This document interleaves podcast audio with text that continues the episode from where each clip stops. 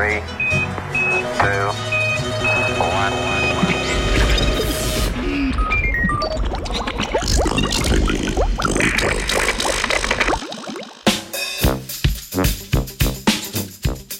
Dobro jutro.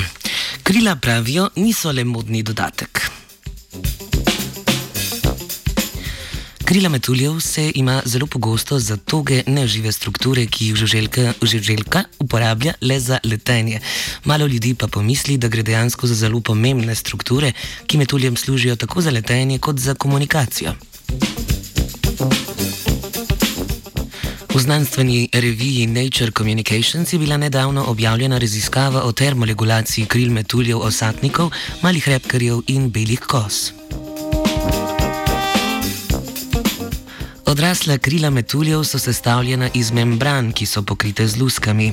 V njih najdemo kompleksne celične strukture, med katerimi so tudi čutilna vlakna ali senzile, s katerimi metulj lažje leti in zaznava nepravilnosti na krilih.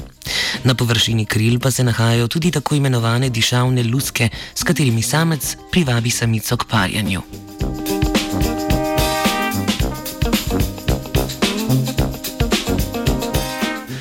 Živa tkiva ponavadi zaradi vseh reakcij, ki v celicah potekajo, optimalno delujejo v nekem določenem temperaturnem območju. Pri občutljivosti osebka na temperaturo pa ima veliko vlogo sama velikost metulja. Manjši osebki namreč hitreje izgubljajo toploto in so posledično občutljivejši na temperaturna nihanja okolice. Ker so žuželke in njihova krila nasplošno majhna in tanka, so še bolj občutljiva na nihanja kot naprimer človek.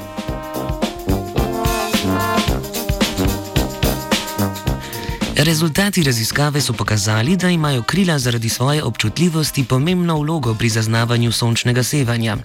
V nasprotju z nami pa metulji ne zaznavajo le vidnega spektra sevanja, temveč tudi infrardeč ali toplotni spektr. To prepoznavanje sevanja pa jim omogoča veliko boljše prilagajanje na sevanje v okolju.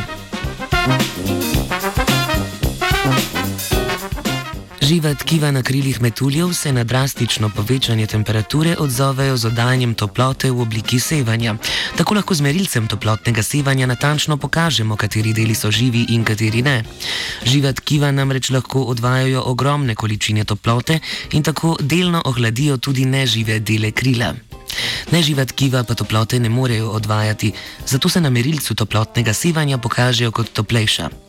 Ko so raziskovalci in raziskovalke segrevali celotna krila metuljev, so se posledično najbolj segreli predeli, kjer ni živih celic, najmanj pa so se segreli predeli, kjer so žive celice in je prisotna termoregulacija.